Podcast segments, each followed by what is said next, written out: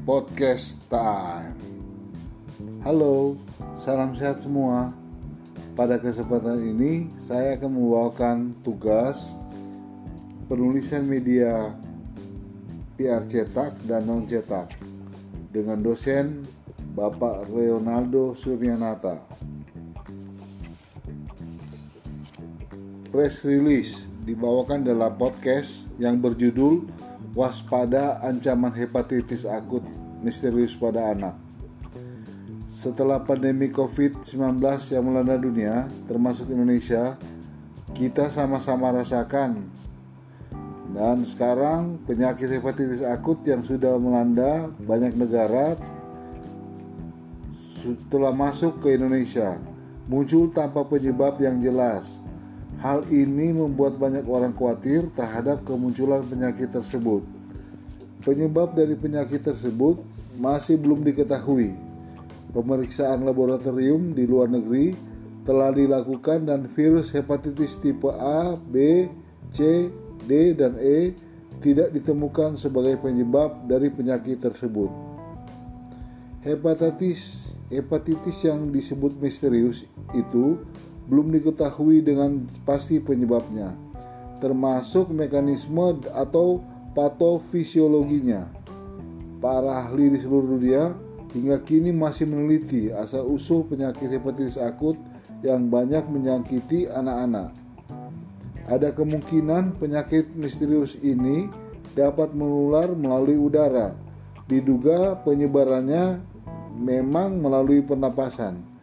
Oleh karena itu, dihimbau para orang tua lebih waspada dan bisa membimbing anak mereka untuk tetap menjaga protokol kesehatan yang selama ini berlaku untuk mengantisipasi pandemi COVID-19. Protokol kesehatan itu misalnya dengan mencuci tangan rutin, menghindari kerumunan, menggunakan masker, dan menjaga jarak. Jadi protokol kesehatan yang berlaku untuk COVID-19 jangan kendor. Kebiasaan yang bagus itu harus diterapkan.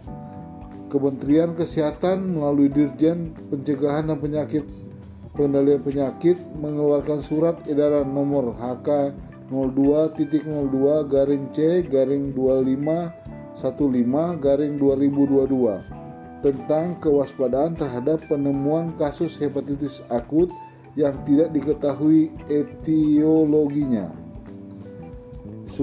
Surat edaran dimaksudkan untuk meningkatkan dukungan pemerintah daerah, fasilitas pelayanan kesehatan, kantor kesehatan, pelabuhan, sumber daya manusia, kesehatan, dan para pemangku kepentingan terkait kewaspadaan dini penemuan kasus hepatitis akut yang tidak diketahui etiologinya.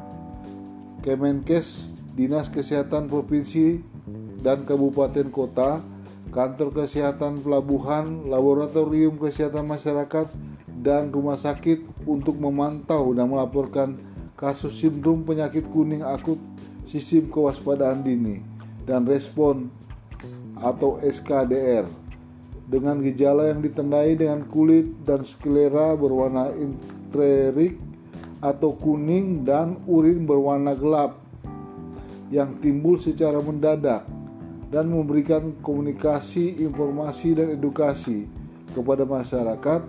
Upaya pencegahannya melalui penerapan perilaku hidup bersih dan sehat.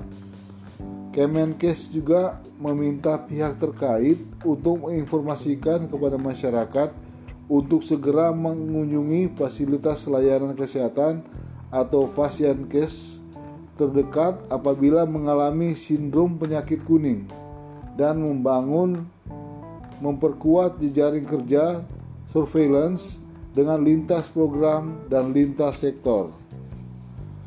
Sekian, terima kasih.